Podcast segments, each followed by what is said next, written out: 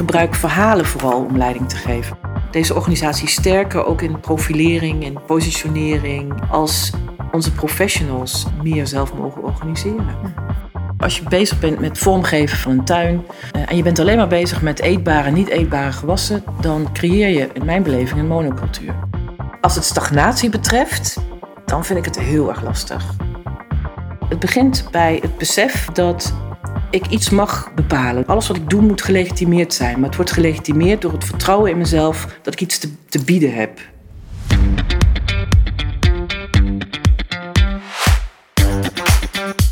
Dit is een podcast over leidinggeven en leiderschap. De rol als leider van een groep. Wat doet dat met de mensen achter deze functie? Wij gaan op zoek naar verhalen van leiders die wij kennen en die een verhaal te vertellen hebben. Over welke visie ze hanteren, wanneer het moeilijk wordt, over hun keuzes en loopbaan. Kortom, portretten over leiderschap. Wij zijn Marjolein Veringa en Brechtje Spijkerman. Allebei ondernemer en coach op het gebied van leiderschap en teams. Marjolein heeft het bureau Am-effect en is auteur van het boek Agile Focus en Besturing. Brechtje schreef het boek Navigeer je team naar succes en is eigenaar van bureau Teamtalk. Samen zijn wij met name nieuwsgierig naar de mensen die wij interviewen. In deze eerste podcast hebben wij Renata Fideli uitgenodigd. Over wat haar werkelijk drijft om het roer te nemen. Wat leiderschap is met een menselijk gezicht. En hoe haar Italiaanse roots soms de kop opsteken. En met welke visie zij welzijnsorganisatie meerwaarde leidt. Als we het hebben over taal en jouw werk, uh, dan valt het mij wel op. Ik heb, ik heb met jou gewerkt en mogen werken. Dat jij taal echt gebruikt als middel om leiding te geven. Ja. Kan je daar iets meer over vertellen of ben je daar bewust van? Mm, ik ben me er bewust van geworden. Ik gebruik verhalen vooral om leiding te geven, maar ik gebruik ook verhalen om mijn eigen leven betekenis te geven. Uh, Bij een voorbeeld van? Um, nou, ik, ik spreek veel in metaforen, omdat dat ook een bewijs is waarop ik denk. Uh, dus ik, het helpt mij om mijn eigen individuele vraagstukken in een metafoor te omvatten, om het vervolgens te kunnen abstraheren. En uh, zo, zo spreek ik ook met medewerkers. Dus als we een probleem aan, uh, aan tafel hebben, dan is het mij, mijn rol vaak om een verhaal te vertellen wat daarover gaat. Dus bijvoorbeeld de metafoor van het schip. Ik ben hier ooit binnengekomen, dat was bij Meerwaarde. En ik, de vraag vanuit de, de sollicitatiecommissie was: kun jij het boegbeeld van meerwaarde zijn? Vond ik een vreemde vraag. Boegbeeld van meerwaarde. Er zijn allemaal mensen werkzaam die. Hoezo boegbeeld? Wat, wat maak je dan één persoon heel belangrijk? En uh, toen besloot ik om uh, uh, de metafoor van schip te gebruiken. Dat ik misschien wel het hitteschild wil zijn, of, of degene die op, op die voorkant wil kijken naar de risico's die, in, uh, die we allemaal, waar we op afstormen. Maar het schip wordt bediend en bemand door mensen die allemaal hun eigen, uh, hun eigen deskundigheid inbrengen. Anders komen we nooit verder. En dat heb ik toen gebruikt. Mm -hmm. Ik weet nog dat degene die, uh, de, de voorzitter van de Raad van Toezicht, is zelf piloot. Ze, ze vliegt op kleine uh, toestellen. Ze zei, ja, dit is eigenlijk niet mijn metafoor. Ik zou het veel meer verbeelden in, de, in het verhaal van een vliegtuig. Ja, dat kan ook, dacht ik toen. Mm. Maar dit is het verhaal van het schip. Dus ik gebruik heel vaak uh, verhalen. Ik, ik zie dingen ook in, de, in het leven, in een verhaal. Ik zie nooit dingen geïsoleerd. Dus het is één doorlopend verhaal waar we allemaal aan deelnemen. en daar zie ik soms scènes uit. En die gebruik ik voor mijn werk. Ja. En hoe reageren medewerkers daarop als je dat doet? Um, ik merk dat medewerkers heel vaak daardoor, bijvoorbeeld als, ik een speech hou, geraakt zijn. Uh, omdat het ook gaat over wezenlijke thema's. Ik, ik, gebruik altijd een thema dat heel dicht bij, de, bij, de, bij vandaag ligt. Het komt ook zomaar opploppen. Dus ik, ik schrijf bijvoorbeeld als ik een speech schrijf voor nieuwjaar, dat doe ik meestal nooit twee weken vooraf. Dat dient zich aan en dan is het er. En zo schrijf ik ook. Ik schrijf na Comenius. Tijdens Comenius ben ik begonnen met schrijven. Uh, dat deed ik toen ik jong was ook, maar dat had ik een hele tijd niet gedaan. En het diende zich constant aan. Dus ik hoefde er nooit voor te gaan zitten. Uh, ik wandel door het leven en op een paar moment dient zich een verhaal aan. En dat schrijf ik. En, uh, en zo, zo, zo deel ik ook mijn verhalen met anderen. Dus ik kan soms aan tafel zitten en ik luister. Het is ook, de kunst is, ik vind het leidinggeven echt de kunst van het luisteren. Mhm. Je luistert vooral naar wat zich aandient, wat mensen eh, zeg maar eh, eh, aanbrengen aan dilemma's of vragen of oprechte nieuwsgierigheid. En daar luister ik naar. En ik luister niet alleen naar de taal, maar ik luister ook naar de onderliggende boodschap. En dan dient zich een verhaal aan als het zich aandient. En dat gebruik ik. Mooi, je vertaalt het naar een verhaal, zeg maar. Dus je haalt ook een beetje uit de ratio en de, de Ja. dagelijkse beslommeringen weg Ja. om het in te kleuren. Wat is het laatste verhaal? Als je het hebt over Ehm, laatste speech. moet ik even nadenken. De laatste speech. Of degene die nu in je opkomt, kan ook vorig jaar nieuwjaar zijn.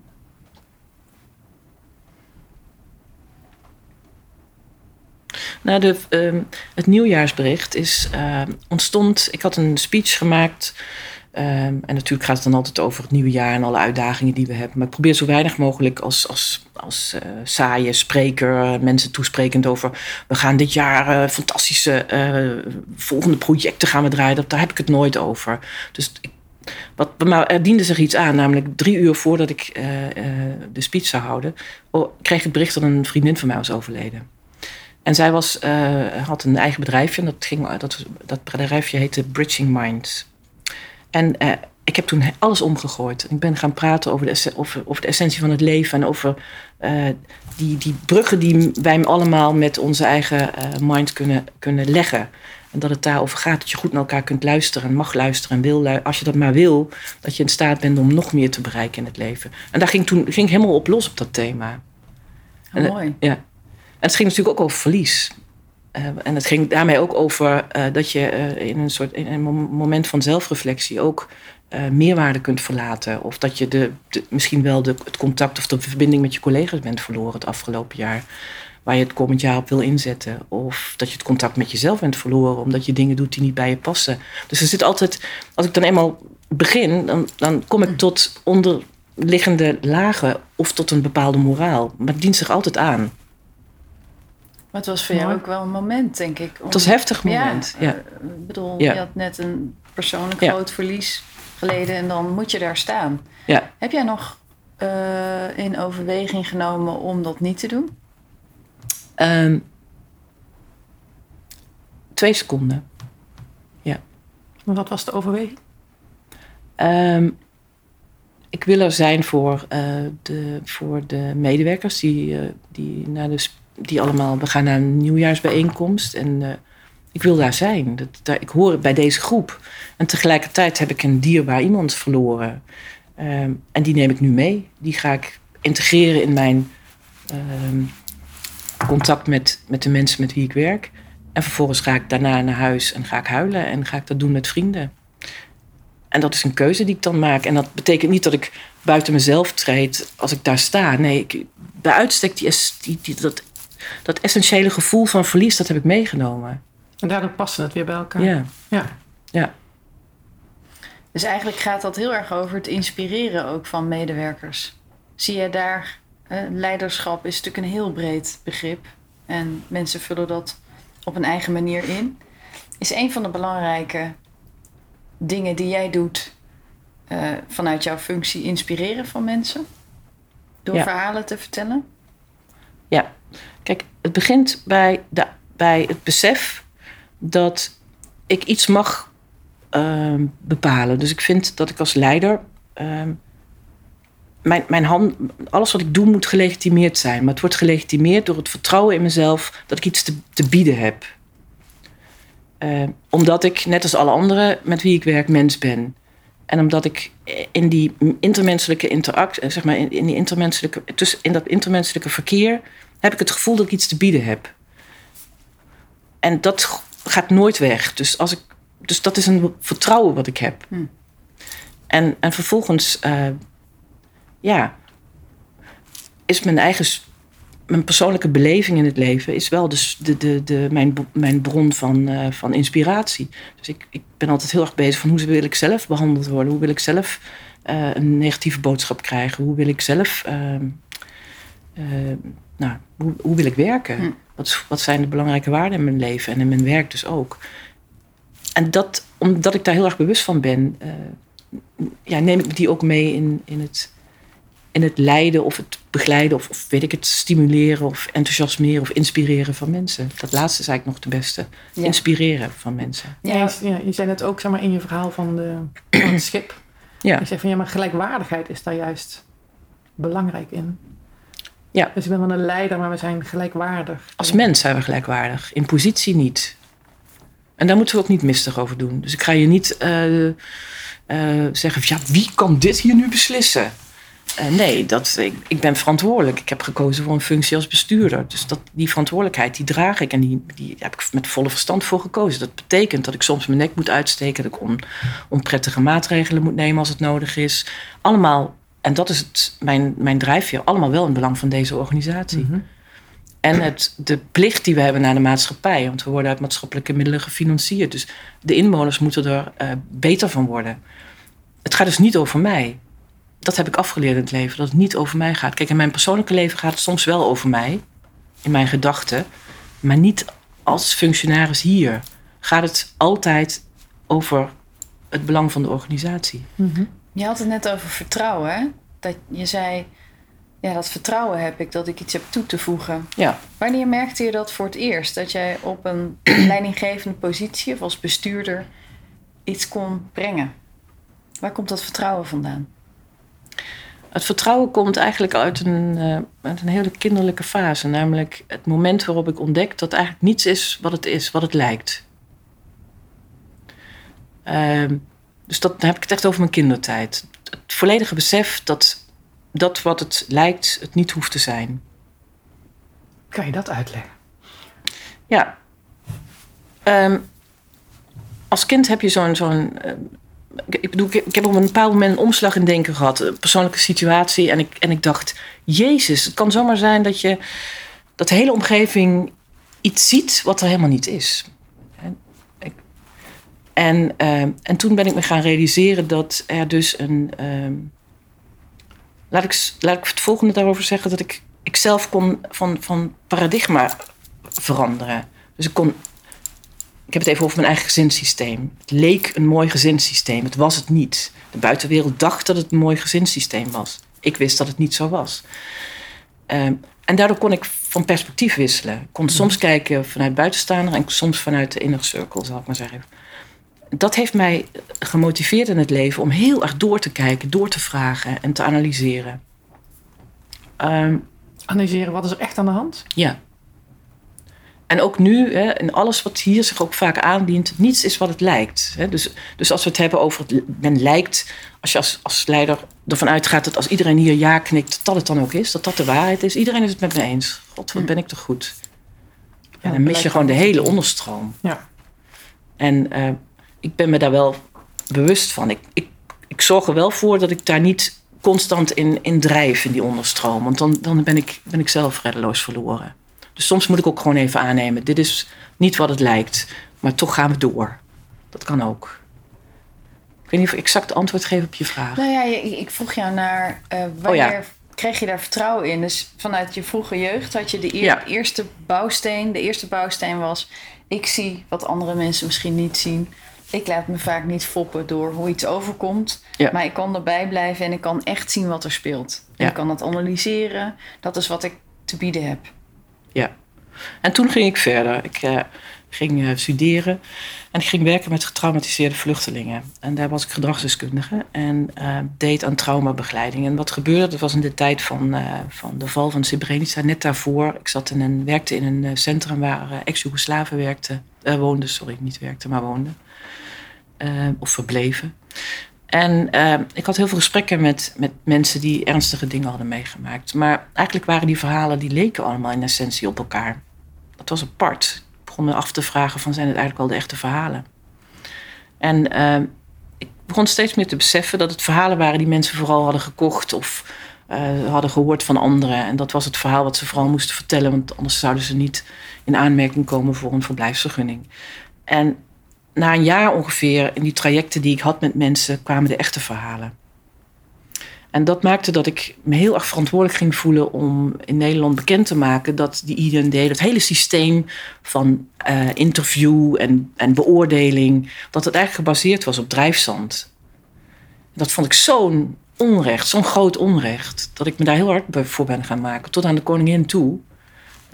Door, echt uit te dragen, luister, wij baseren die oordelen, die oordelen van, dat, van die immigratiedienst, die worden allemaal geveld op basis van foutieve informatie. Want deze mensen gaan never nooit, vrouwen die ernstig verkracht zijn, zullen never nooit ten overstaan van een mannelijke beambte van de IND gaan vertellen wat hen echt is overkomen. Die vertellen allemaal een soort afgeleide verhaal waar ze zich zelf in emotie voor, kunnen, uh, voor kunnen afsplitsen. Hoe zeg je dat? Afbeschermen. Mm en, uh, en dat was eigenlijk mijn drijfveer. Om, uh, om meer te gaan doen met, met mijn eigen denkkracht of passie om, om dingen echt te veranderen. En toen was het nog heel groot. Toen wilde ik de wereld nog veranderen. Maar, Wat zei de koningin ervan? Je zei, ik ben tot en met de koningin geweest? Ja, ja, ik heb een gesprek met de koningin en toen dat tijd staatssecretaris Schmid, uh, die was toen nog in leven, gevoerd. En daarin heb ik verteld wat ik ontmoette, wat ik tegenkwam en dat ik het hele stelsel niet vond kloppen bij. Uh, en daar heeft zij heel erg, uh, ik heb dat, me daar heel serieus gevoeld. Ze heeft echt een uur ervoor uitgetrokken en wow. ja. En later ook nog een handgeschreven brief van haar gekregen dat ze erg geïnspireerd was. Ik, ik, het is niet zo dat ik nu zeg dat dat dan helemaal tot grotere verandering heeft geleid. Maar ik ben wel gehoord. En ik, toen ik gehoord was, daarna ben ik vrij snel vertrokken uit die branche. Omdat ik dacht, ik heb eigenlijk volgens mij het maximale gedaan wat ik moest doen.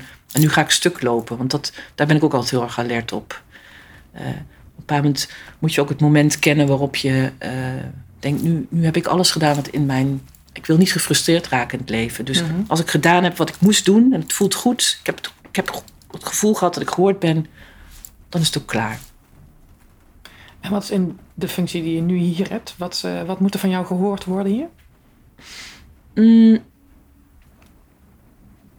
Nou, weet je, het feit dat ik gekozen heb voor een maatschappelijke organisatie betekent dat ik, uh, dat ik heel veel affiniteit heb met kwetsbare uh, mensen. En wat van mij gehoord moet worden, is dat het van belang is dat, dat wij zorg dragen voor de kwetsbaren in de samenleving. Voor mensen die het niet, niet zo breed of niet zo goed mee kunnen doen. En dat heb ik wel aan de lijve ervaren. Ik ben een kind van een, uh, van een immigrant, van een uh, mijnwerker. en ik heb heel erg, ik heb in die beginfase, dat kun je nu niet meer voorstellen. Ik ben van Italiaanse afkomst, uh, dus dat lijkt allemaal heel romantisch, Italië. Maar de werkelijkheid was dat in die periode dat mijn vader naar Nederland kwam, het gewoon het, het laagste soort in de, in de samenleving was. En ik als kind van een arbeider, van zo'n mijnarbeider, mijnwerker heet zo iemand was niet van, uh, had geen status. Sterker nog, we werden in de wijk gediscrimineerd. Dus ik heb heel erg gevoeld wat dat doet met je uitsluiting. En uh, al vrij snel dacht ik, daar wil ik wel iets mee doen in het leven. Want uitsluiting is, is, echt, is echt moord. Een vorm van emotionele moord. En de mensen die hier werken, die, daar verlang ik van. Ik verlang niet dat ze.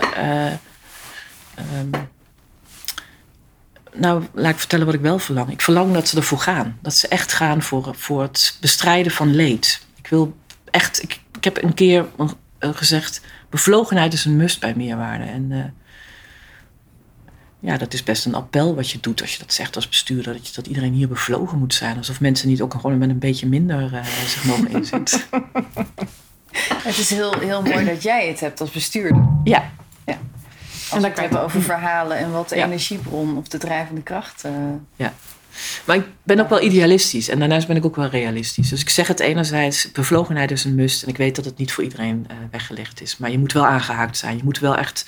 Je hebt een slechte aan mij op het moment dat je dingen die, die echt schijnend zijn laat zitten. Dat je uh, bijvoorbeeld een schijnende situatie waar je niet op ingrijpt of waar je niet op aanhaakt als, als, als sociaal werker. Dat, dat is mijn beleving echt uh, een doodzonde. Dat kan niet. Gebeurt dat wel eens? Komen die verhalen tot jou? In deze, in deze organisatie niet. Nee. Maar in het verleden heb ik het wel meegemaakt. Ja. Ik wil eigenlijk een stap maken naar zelforganisatie. Je, had het over, je hebt het over bevlogenheid. Dat je dat eigenlijk wel eist van uh, medewerkers.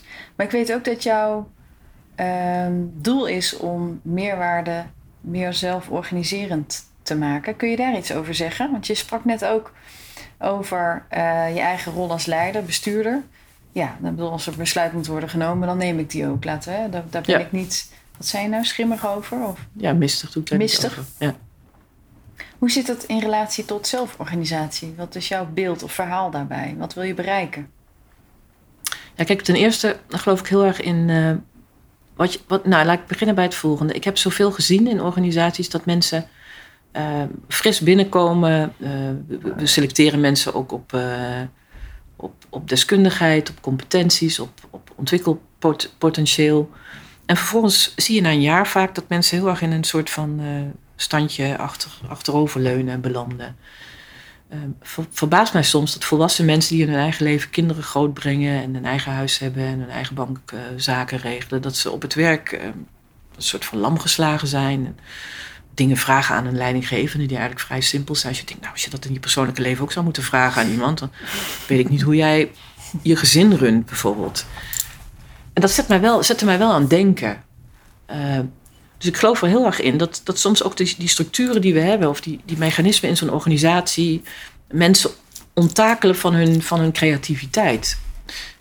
Eh, ik waak daar zelf altijd voor. Maar ik voel ook in de voorgaande werksituaties, heb ik, heb ik ervaren hoe het kan gaan. Dat je soms gewoon zo klem komt te zitten, dat je niet eens meer helder kunt nadenken. Omdat een regel of protocol heiliger is dan jouw inschattingsvermogen. Nou goed, toen ik bij meerwaarde kwam, toen eh, raakte ik op een bepaald moment. eh, ik zag dat ik in eerste instantie best wel wat dingen moest doen. Jij had het toen straks over lijken in de kast. Eh, en ik voelde wel het appel dat er wel wat gestructureerd moest worden. En ik vond ook in die beginperiode dat ik vooral ook even heel goed moest kijken: zitten hier de mensen op de juiste plek? Zijn de juiste doelen gesteld? Zijn de juiste stakeholders aangehaakt? Eh, hebben we de juiste afspraken en ook de juiste verhouding met, met bijvoorbeeld onze opdrachtgever?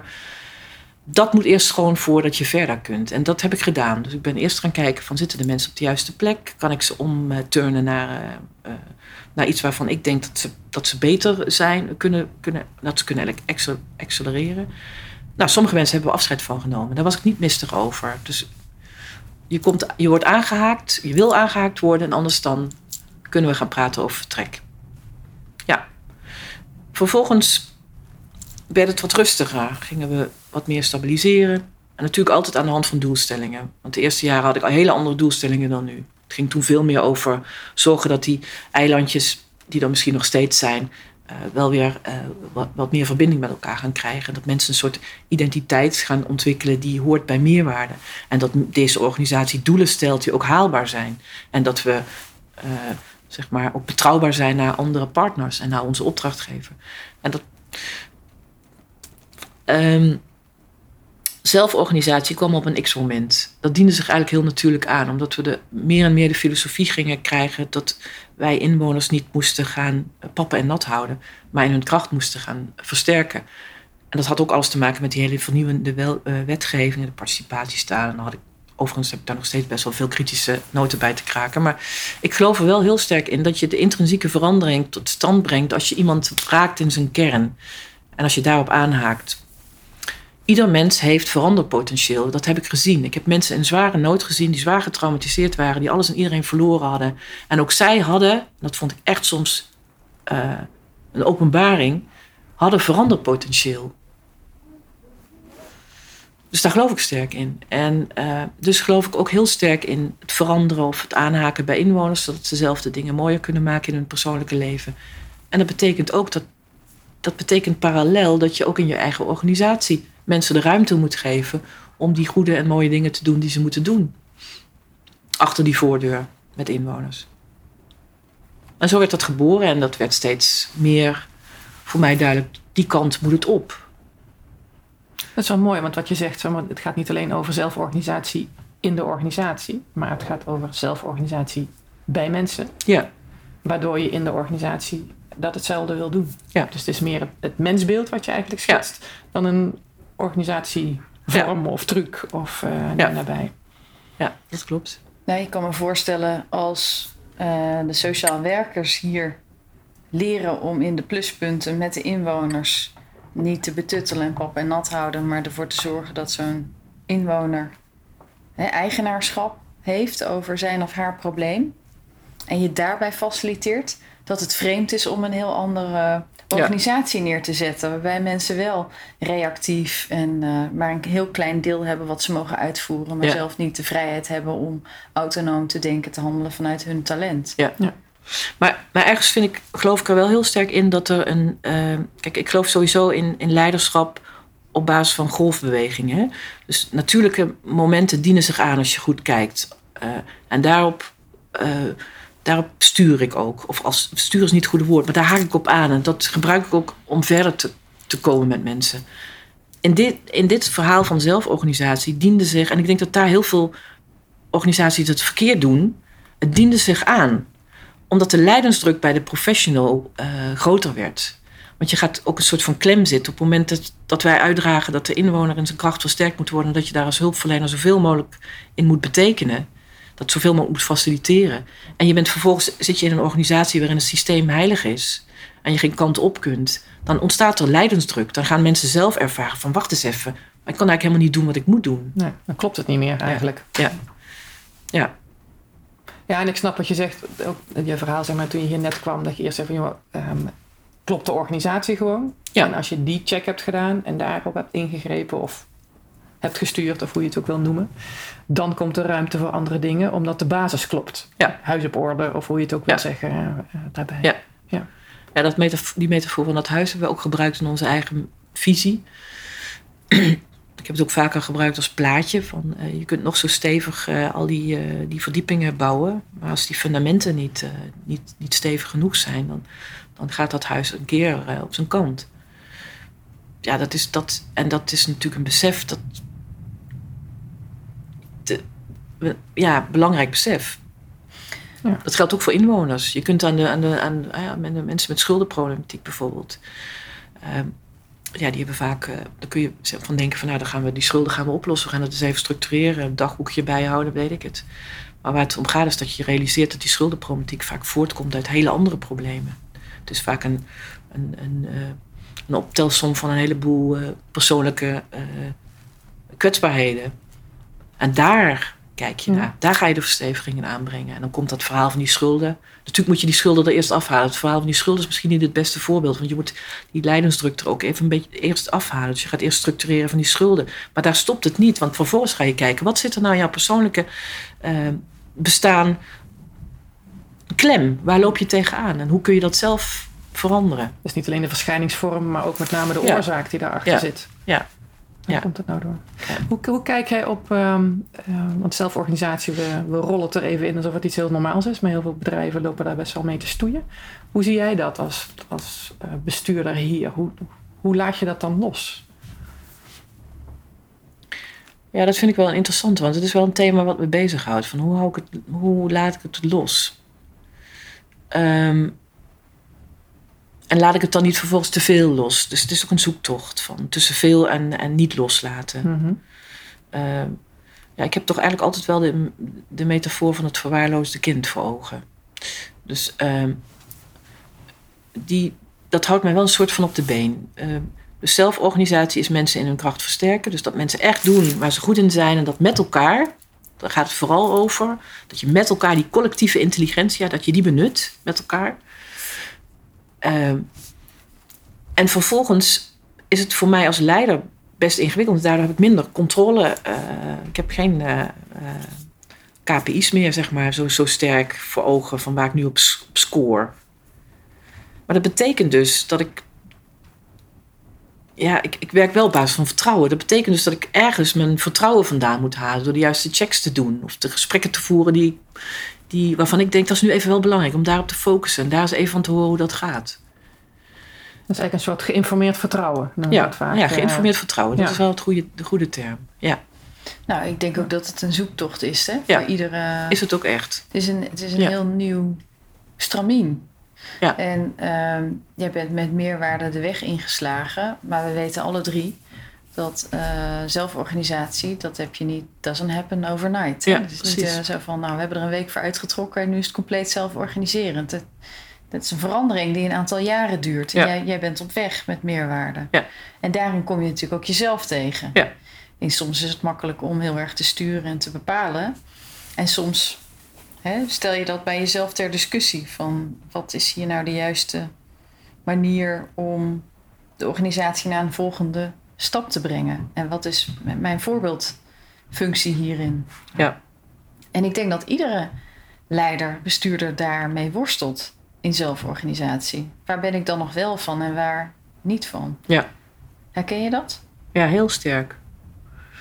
Ehm, het is ook echt een. eh, ehm, ja, hoe zal ik het zeggen? Het gaat, het gaat echt over een identiteitsontwikkeling. Ja. Dus ehm, het is heel. heel ehm, ehm, int- intrinsiek. Het, gaat, het is echt. Ja, mee eens dus. Hmm. Eh, Het lastige is dat, je, dat we te maken hebben, bijvoorbeeld in dit geval ook. En enerzijds wil ik dat die professionals zo goed mogelijk hun eigen potentieel benutten met elkaar. En anderzijds eh, wil ik dat ze vooral ook doen wat we hebben afgesproken met de gemeente, in dit geval, met onze opdrachtgever. En dat kan nog wel eens een keer bijten. Want ik weet ook dat we aan het eind van het jaar wel alle uren moeten halen. En dat we eh, onze financiën op orde moeten hebben. En, eh, en dat eh, hier wel echt geldt. ja, je kan creatieve processen hier op de werkvloer hebben. Maar je moet gewoon wel je targets, je uren halen. Mhm. Dat kan nog wel eens bijten, want daar sturen we ook stevig op per maand. Dus ik, ik heb per maand ook de overzichten van hoe, zitten we er, hoe staan we ervoor. Want het is wat mij betreft onbestaanbaar dat we geld eh, teruggeven omdat we de dingen niet doen die we eh, hebben afgesproken. En dan gaat natuurlijk ook weer de dingen die we hebben afgesproken moeten ten goede komen aan die inwoner. En als we dat niet goed doen, dan, ja, dan, ligt, dan hebben we ergens ook, dan, dan gaat het mis. Maar is Dat de is- sleutel daar ook niet van, als je het hebt over zelforganisatie, ehm, dat ik als medewerker bij Ja. jou dat dus ook zou moeten voelen? Ja. Mhm. Klopt. Dus dat dat niet alleen jouw ding is en ik ben eh, lekker aan het werk. Ja. Dat is, Ja. eh, zelforganisatie is ook een stuk van samen verantwoordelijk daarvoor zijn. En Ja. niet alleen maar ergens een managementlaag die Ja. zich daarvoor druk over maakt en de rest andere dingen aan het doen Het is. is wel mooi dat je dat zegt, eh, Transparantie daarin. Vroeger was zo Klopt. beeld van eh, als ouder van de organisatie. Hou je de kinderen uit de wind. We vertellen niet over onze financiële malaise of hoeveel druk we voelen. En binnen zelforganisatie zou juist binnen de kaders de doelen heel transparant moeten zijn. Ja. Van ja, dit is wat we moeten oplossen met elkaar. En je had het eh, in het begin vond ik zo mooi, toen we ons gesprek startten over verhalen. Er doen natuurlijk heel veel verhalen de ronde over zelforganisatie. En natuurlijk, als je de eerste stap zet, is er ook heel veel weerstand. En wat is zelforganisatie nou precies? En wij kwamen er eigenlijk achter dat zelforganisatie simpeler is dan we denken. Ja. Het, het is niet zozeer, we gooien radicaal de hele organisatie om, maar het zijn kleine dingen die je anders doet. Het heeft veel meer te maken met communicatie en kaders stellen, waarbinnen zo'n team doelen behaalt. In plaats van in kleine hapklare brokjes eh, niet helemaal vertellen wat het grote plaatje en de grote puzzel is. Maar wel het eh, op uitvoeringsniveau helemaal afbakenen waar iemand eh, de ruimte zit. Mhm. En dat iemand daar, een professional, daar misschien ook wel in wordt geleid en in wordt beknot. Nou, het is Ja. meer een, een Ja. holistischere aanpak, om Ja. het maar even zo'n woord erin te gooien. Hm. Ehm, dat het niet meer is van ja, maar ik ben verantwoordelijk, want ik ben hier de leider en daar zijn jullie een stukje in. Maar je, bent, je probeert met elkaar iets te bereiken. Dus het is veel meer een samenwerking dingen Ja. dan zelforganisatie. Want juist duidelijke doelen blijken daarbij nodig. Want anders valt er niks te organiseren. Als je geen doel hebt, dan zijn we met elkaar een beetje dingen aan het doen. Ja. Ja. En daar heb ik een aantal mensen voor hebben die die doelen duidelijk helpen. En maar dan, als je gewoon gaat samenwerken en met elkaar verantwoordelijk daarvoor bent, iedereen zijn eigen rol, dan kan je dat prima eh, ook loslaten. Sterker nog, mensen gaan veel meer helpen dan dat ze van tevoren deden. Ja. Dus het voelt dan misschien soms als loslaten, terwijl je als leider veel meer geholpen wordt. Eh, dan, ehm, dan voorheen dat je dat als enige op je schouder had. Ja. Eh, en de rest eh, af en toe kon vertellen wat zij aan het doen waren. Ja. Om het even heel zwart-wit neer te zetten. Ja, ik moet zeggen dat ik daar zelf ook in veranderd ben. Hè? Want ik, ik kan me ook nog de momenten herinneren dat ik hier voor de groep stond en ging vertellen van hoe we ervoor stonden. En dat het onbestaanbaar was dat we, dat we onze uren niet halen. En dan was het zo'n beetje mijn probleem, het probleem van het management. En inderdaad, we zijn nu aan het ontwikkelen daarin. We zijn nog steeds nog niet, we zijn nog niet zo ver dat we nu de, de kaders duidelijk bepaald hebben voor de teams. Daar zitten we, zeg maar, nu, eh, daar staan we voor. We willen het wel heel graag, omdat ik het heel erg eens ben met jullie zeggen. Die, eh, dat, dat, die verantwoordelijkheid, die, die, eh, die moet gedeeld worden. Of die, die, dat, dat, dat geloof ik ook sterk, dat dat veel beter werkt. Zolang we de medewerkers maar vooral op hun inhoudelijke werk laten, hun inhoudelijke werk laten doen. En dat hele stuk van die organisatie een beetje voor hen weghouden. Ja, zorg je er ook niet voor dat je, dat je inderdaad die, die, gedeelde verantwoordelijkheid, die situatie van gedeelde verantwoordelijkheid krijgt. Ja, en in mijn ervaring snapt iedereen het ook. Want de, het beeldspraak die je net noemde van ja, iedereen heeft een gezin en een huis. En je hebt ook een huishoudboekje. Dus je kan van alles en nog wat willen. Maar iedereen heeft ook zijn budget waar het in past. Dus iedereen snapt dat. Prima. Ja. Dus dat een bedrijf een budget heeft en dat je niet uh, wilde dingen kan doen als het geld er niet is. Of als de uren er niet zijn. Dan was er geen klant voor is die ervoor wil betalen. Of geen, uh, uh, dus het is eigenlijk prima uit te leggen over het algemeen. Ja. Ja, misschien is het, um, het, het, het, het oude model dat je als moeder of vader voor de kinderen zorgt. En de kinderen voelen wel druk en die hebben wel angst om een belastingaanslag of het salaris komt niet binnen, maar ze weten niet precies hoe. En vanuit gelijkwaardigheid is het volwassen onder, volwassen onder elkaar. De, de, transparantie van hier gaan we heen, dit is de stip op de horizon en dit hebben we te verdelen met elkaar. Deze uren moeten we draaien. Ben ik het met jou eens, Marjolein, dat uh, dat, dat ook veel inspirerender is voor professionals. En dat je, dat, dat die bevlogenheid vaak is. Hè? Ja. Um, maar ja, dat is de, de ideale uh, situatie. De weg daar naartoe gaat natuurlijk met veel hobbels en obstakels gepaard. En ik ben heel erg benieuwd. Wanneer is jou, want ik weet een van de doelen die je wil bereiken met meerwaarde, is dat je het meerwaarde zelf organiserend maakt.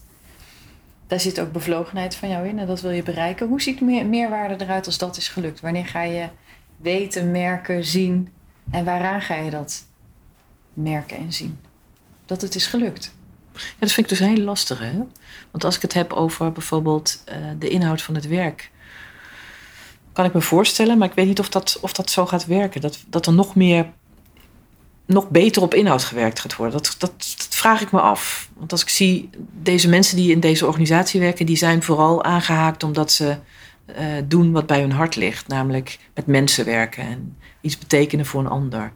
Ik weet niet of zelforganisatie daar nog iets in gaat gaat versnellen of verbeteren of vergroten. Dat, dat, weet ik niet.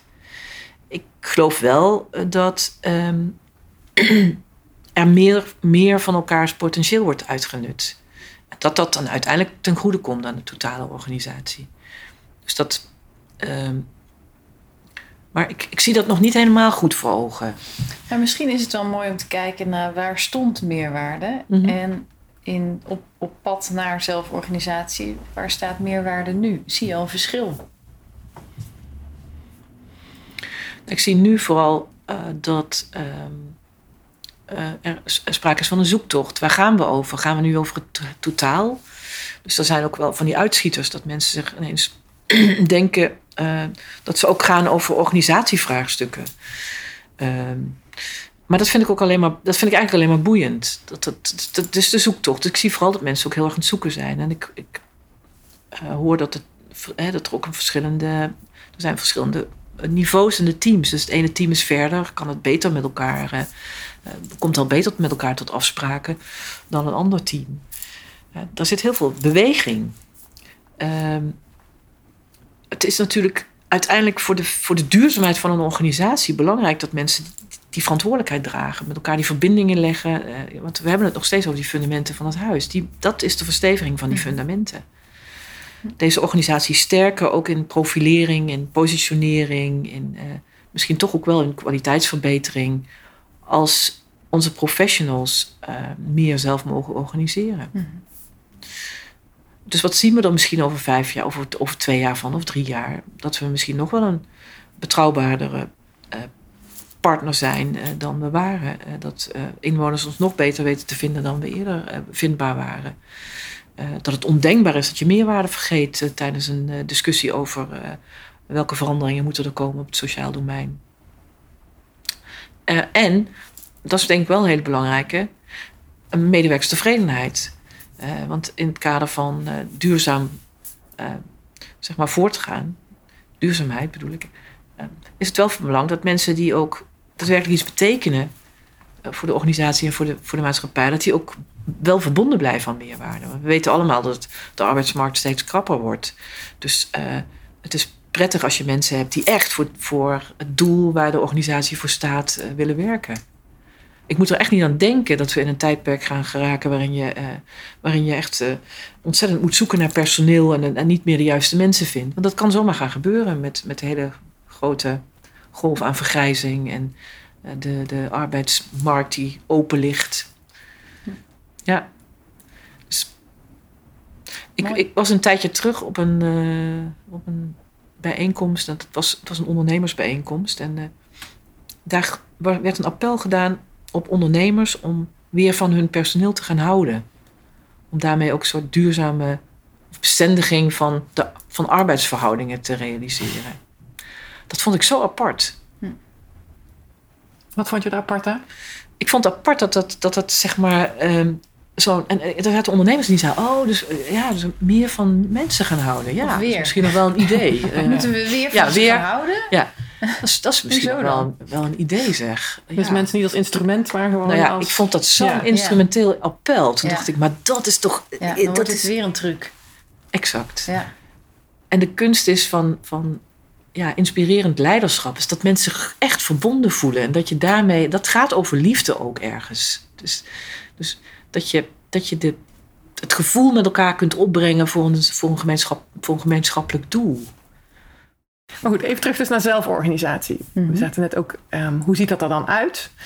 Um, is dat overal hetzelfde? Je zegt, het ene team is daar verder in dan het andere team daarin is. Dat ziet er dan wat anders uit. Is dat erg? Nee, absoluut niet. Nee, want ik geloof dat, dat er ook zoiets is als een. Uh, uh, uh, weet je, je hebt voorbeeldfuncties nodig, een voorbeeldgedrag. En op het moment dat één team verder is dan het andere team, inspireert dat mogelijk ook weer mensen uit een ander team. Ja. Dus ik denk dat het alleen maar goed is. Anders krijg je weer een soort eenheid. Het is een, ja, het, het is een soort natuurlijke ontwikkeling. Sommige mensen zijn verder dan anderen en daarmee ontstaat er ook weer groei en verwarring en groei en het is misschien een mooi bruggetje naar monocultuur. Ja. Want daar heb jij een bepaald beeld bij. Ja. Als we het hebben over jouw visie. Zou je er iets meer over kunnen vertellen? Ja. Nou, de, de, zeg maar, als, als leider... Als ik binnenkom binnen een organisatie... kijk ik altijd van hoe... Hè, natuurlijk kijk je naar de cultuur van een organisatie. En uh, waar ik zelf... Ik ga een voorbeeld geven. Ik, uh, bijvoorbeeld... Wat ik me bedacht op een x-moment was... Als je... Uh, als hovenier, even, het, even de metafoor hovenier, als je bezig bent met het, het, uh, het vormgeven van een, uh, van een tuin, of laten we zeggen een groentetuin of een uh, plantentuin, dan, en je bent alleen maar bezig met eetbare en niet eetbare gewassen, dan creëer je in mijn beleving een monocultuur. Um, een tijdje terug, of een hele tijd terug, een vriendin van mij raakte geïnspireerd door permacultuur. En, op, op een x-moment ging ik met haar daarover in gesprek. En, uh, en wilde ik er meer van weten. Dan heb ik een dagje meegewerkt uh, hier in uh, Haarlemmermeer. Op een waanzinnig gave boerderij. En dat was een permacultuurboerderij. En wat ik toen leerde op die dag, want ik heb daar van alles gedaan, is dat het vooral belangrijk is. En dat vond ik zo'n mooie metafoor voor, voor ook leiderschap of zelforganiserende teams. Wat ik leerde was dat je daar gewassen bij elkaar zet. Dus onkruid en, en, en, en en planten die, die, die nut hebben en, en groenten, dat je die bij elkaar plaatst en, en, en, en dan zorgt voor een, een ecosysteem dat elkaar in stand houdt. Dat elkaar de mogelijkheid biedt om te groeien. Door elkaar te beschermen, te versterken, uh, de insecten af te houden of juist aan te trekken die nodig zijn voor de verdere uh, verspreiding van, nou, laten we van verspreiding van, hoe zeg je dat? Ziektes. Ziektes of, of juist niet. En terwijl ik daar aan het werk was, realiseerde ik me: dit is precies wat je in een organisatie, uh, als het gaat over zelforganisatie, creëert. Namelijk diversiteit. En in diversiteit groeien mensen. Gaan mensen elkaar helpen om beter te worden en beschermen elkaar ook. En er ontstaat een natuurlijk evenwicht. En daar geloof ik heel sterk in. Zet een groep mensen bij elkaar en laat ze dingen doen. Um, dan ontstaat er ergens een, een dynamiek die een natuurlijke dynamiek. Het hoeft niet meteen de beste dynamiek te zijn, maar er ontstaat wel altijd een dynamiek. En als leider, als je daar oog voor hebt, kun je daar positief op inspelen. Hoe denk jij, waarom ontstaan er vaak monoculturen binnen organisaties, denk je? Ja, het, begint bij het aannemen van personeel. Als ik een sollicitatieronde doe, ik, ik, eh, ik ben bijvoorbeeld niet het type m- dat weet ook eigenlijk iedereen zo'n beetje wel, geloof ik. Maar bij mij kom je hier niet en je komt je verhaal doen en ik heb een heel schriftje vol met vragen en die werken we systematisch af. Ik zoek naar de mens achter de professional. Altijd. Het menselijke verhaal. Omdat daar veel meer, daar zit, daar zit zoveel rijkdom in. Om te snappen of iemand past in je organisatie. Ik denk dat je vaak als leider zoek je naar een soort blauwdruk van jezelf. Want je wil mensen hebben die hetzelfde denken, hetzelfde voelen. Het moet allemaal niet te ingewikkeld zijn. Maar door juist mensen in dienst te nemen die totaal anders denken dan jezelf, eh, inspireer je jezelf en ook de ander. En zorg je voor een ecologisch systeem waarin evenwicht gaat ontstaan. En daar ben ik echt altijd naar op zoek. Mooi. Dus ik zoek ook naar innerlijke drijfveren, naar, eh, naar, naar gebeurtenissen in het leven die van betekenis zijn geweest bij iemand. Omdat dat aanknopingspunten zijn voor de verandering. Wat heb je daarmee gedaan? En om, als mensen dan een verhaal gaan vertellen over zichzelf, dan ontdek je of ze stressbestendig zijn. Eh, je, krijgt het, je moet af van het sociaal wenselijke. Dat, is ook best wel moeilijk in een sollicitatiegesprek als iemand nerveus is en graag de baan wil. Ja, Of misschien heel goed kan solliciteren. maar op het moment dat je, de, dat je zegt, wij zijn aan het kijken of jij past. En jij moet vooral ook gaan ontdekken of jij hier past. Want we moeten elkaar niet in de weg zitten, echt iets toevoegen. Dan zorg, je- doe je ook een appel op iemands eigen verantwoordelijkheid. Je maakt het weer gelijkwaardig. Ja, En niet van ik. want je wil die baan, maar je wilt toch nooit een baan waar je niet past? Dat wil toch niemand? Nee. Toch is het moeilijkste voor een bestuurder, leider, om die diversiteit, die permacultuur eh, te, te koesteren. Ehm, vandaar dat er waarschijnlijk veel monoculturen bestaan. Hè? Ja. Je had het net over de, de, de moestuin eetbaar, niet eetbaar. Binnen organisaties is dat natuurlijk, ben je productief of niet? Ja. En gaan we de richting op waarvan ik vind dat je hem op moet gaan? Het spanningsveld is natuurlijk als bestuurder, leider, dat in zo'n permacultuur er soms antwoorden komen waarvan jij zou denken, ja, maar dat had ik eigenlijk niet in mijn hoofd. Ja, En is dat dan ook goed? Dat is ook goed. Want zo is ook het, ik zie het ook wel een soort analoog aan het leven. Hè? Van je kunt voor jezelf bedenken. Ik, heb wel eens een tijdje eh, voor meerwaarde ging ik naar eh, Sardinië. Daar heb ik een tijd gewoond. Eh, om echt even te reflecteren op mijn leven. En ik had bedacht, ik ga grootste dingen daar doen. Bijvoorbeeld, ik ga een boek schrijven. En ik ga daar, weet ik hoeveel grootste dingen ik wilde gaan doen. Ik ging daar helemaal niks groots doen. Want ik ging daar leven. En leven betekent dat je connectie legt met mensen. En ik ontdekte dat mijn groot, dat grootste idee, dat zat hem in de kleine ontmoetingen. Met bijvoorbeeld iemand, eh, een, oude tante die heel veel levenswijsheid heeft. En die heb ik eigenlijk nog nooit eh, aan haar onttrokken. Omdat we heel weinig tijd met elkaar hebben doorgebracht. En ik nam de tijd om naar die verhalen te luisteren. En ik ging werken op het land. En ik ging ontdekken hoe het is om met heel weinig geld te leven, bijvoorbeeld. Dat heb ik daar ook gedaan. Ehm, dus ik geloof daar heel sterk in. Ja. Mooi. Ik vind het ook wel leuk, je zei, je zoekt juist mensen die, ehm, die verschillend zijn. Ja. En dat geeft ook zeker eh, een meerwaarde. Leuke eh, woordspeling in deze dit gesprek. Ehm, eh, maar het, het kan ook verrekte lastig zijn. Ja. Met allemaal andere visies Zo. en dingen. En dan, en dan zelforganisatie. En eh, allemaal mensen met verschillende... Het is ook lekker makkelijk als we allemaal al dezelfde richting in denken. Ja. Hoe, hoe ga jij daarmee om? Met die, dan heb je zo'n multidisciplinair, eh, allemaal verschillende capaciteiten team zitten. En dan wil je met elkaar een doel bereiken. Ja. Mm, het is niet zo dat ik ehm, niet vooraf inschat of iemand eh, aanhaakt op het doel. Dus dat is wel de essentie. Ik, iemand mag, eh, ik zoek naar, naar diversiteit, maar we hebben wel hetzelfde doel.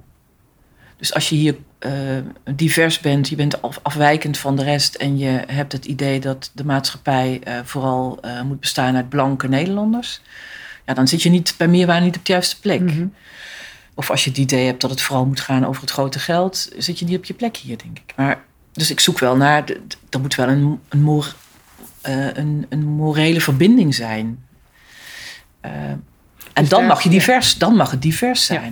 Maar de drijfveer moet wel hetzelfde zijn. Maar Renate, even, kun je, ja, je kan geen voorbeeld noemen, want dat is natuurlijk raar, want dat gaat over mensen die jij eh, nu gewoon in de organisatie. Maar wanneer eh, wringt dat?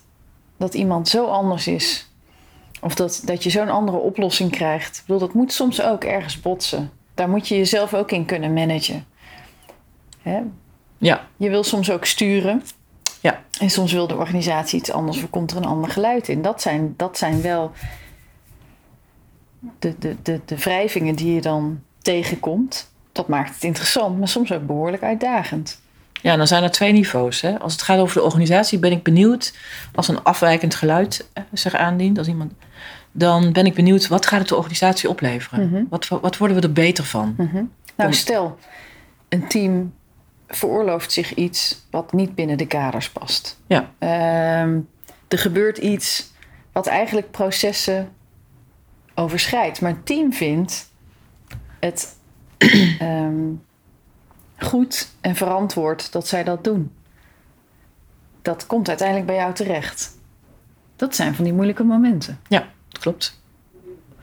Als ik niet de zin zie, eh, als ik niet eh, snap of niet ga begrijpen, of mij niemand kan uitleggen wat het belang is voor de totale organisatie, en dus het uiteindelijk voor de inwoner, in, hè, in, in oogschouw nemen dat we ook in een context werken waarin we een opdrachtgever hebben. Als ik dat allemaal niet zie, ja, dan, dan, dan vind ik het kan ik het nog steeds een prachtig idee vinden, maar dan kan ik me voorstellen dat ik daar dan toch nee tegen zeg. Hm.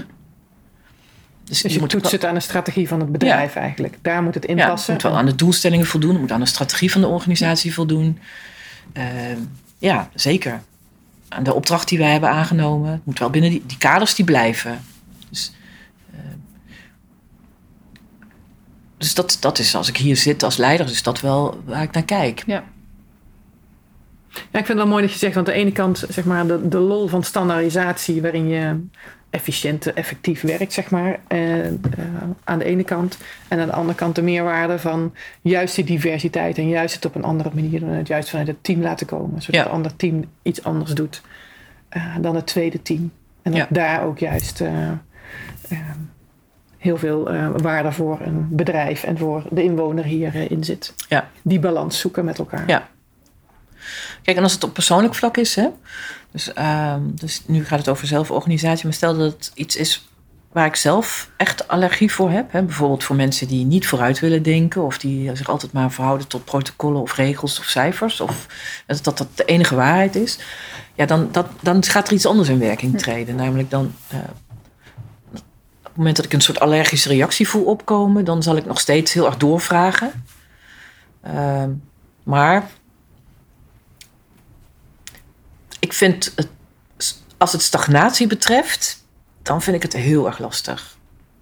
Dus ik, Dat is voor jou moeilijk, Ja. stagnatie. Ja. Je moet voortgang zien en beweging zien. dus een ander idee dat remmend, dat, dat alles remt, dat, daar kan ik niet, Ja, vind je moeilijk. vind ik moeilijk.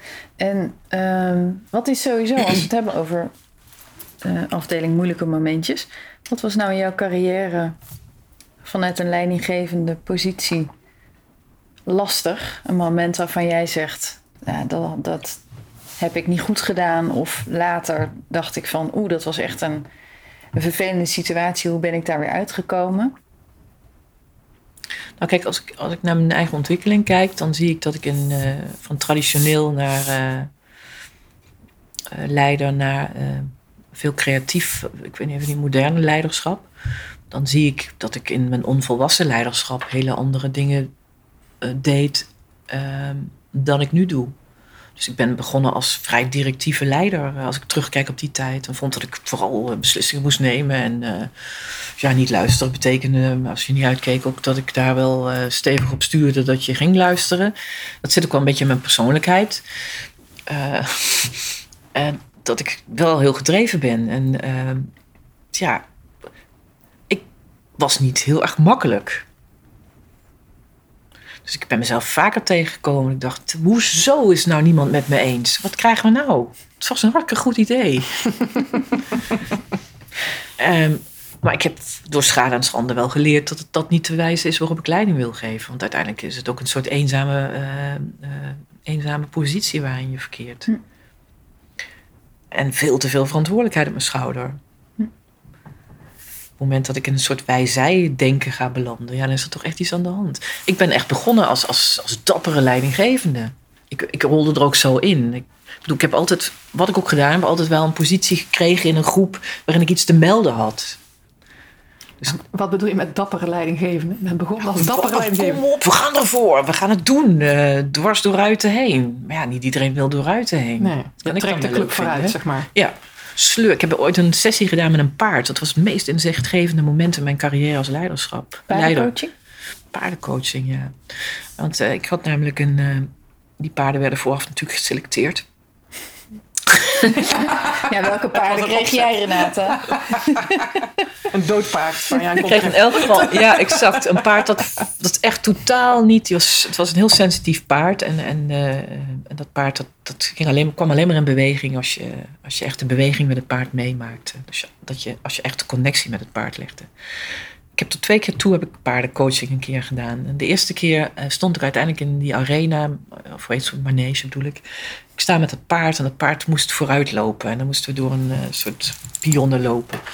En dat beest wilde echt niet lopen. Ik bleef gewoon stokstijf staan en keek me aan.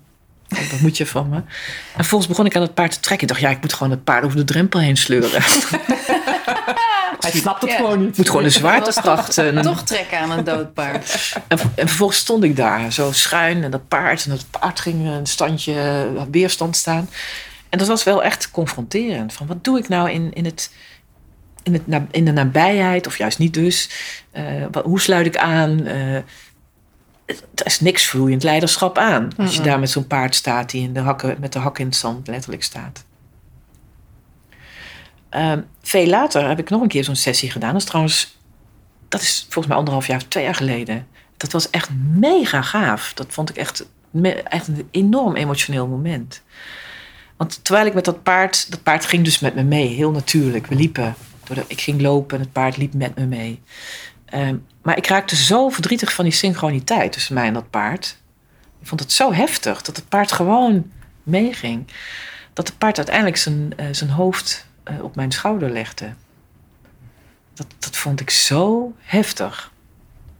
En wat ik eraan heb op, uit op heb gemaakt, is dat ik. ehm, ook dat was natuurlijk niet helemaal in evenwicht. Ook daar, maar ik werd getroost door dat paard. Mhm. Omdat ik verward was van die nabijheid of die synchroniteit, weet ik het.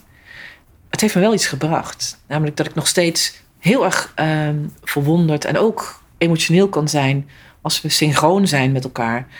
Eh, maar dat het niet, eh, dat ik het durf nu, durf ook te, dat wil ik eigenlijk zeggen. Ik durf het nu ook te, te voelen. Ik durf nu ook de mooie eh, dynamiek te, te ervaren.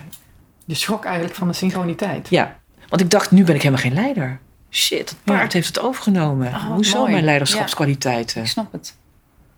Er is zoveel synchroniteit. Het zegt helemaal, dit is, dit, ik ben eigenlijk... Dus dat, dat bracht mij aan het twijfelen. Van, eh, weet je, als je...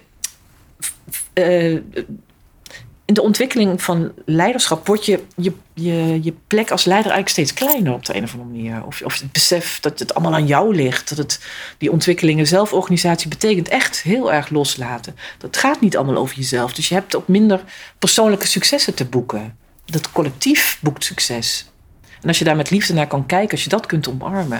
Ik zeg maar weer het woord liefde, maar dan wordt het ook een mooie geheel. Daar geloof ik ook echt erg in. Maar dat betekent dus geen ego-streling. Ja, dat echt loslaten. Ja, Mooi. Hey, dankjewel voor dit mooie gesprek.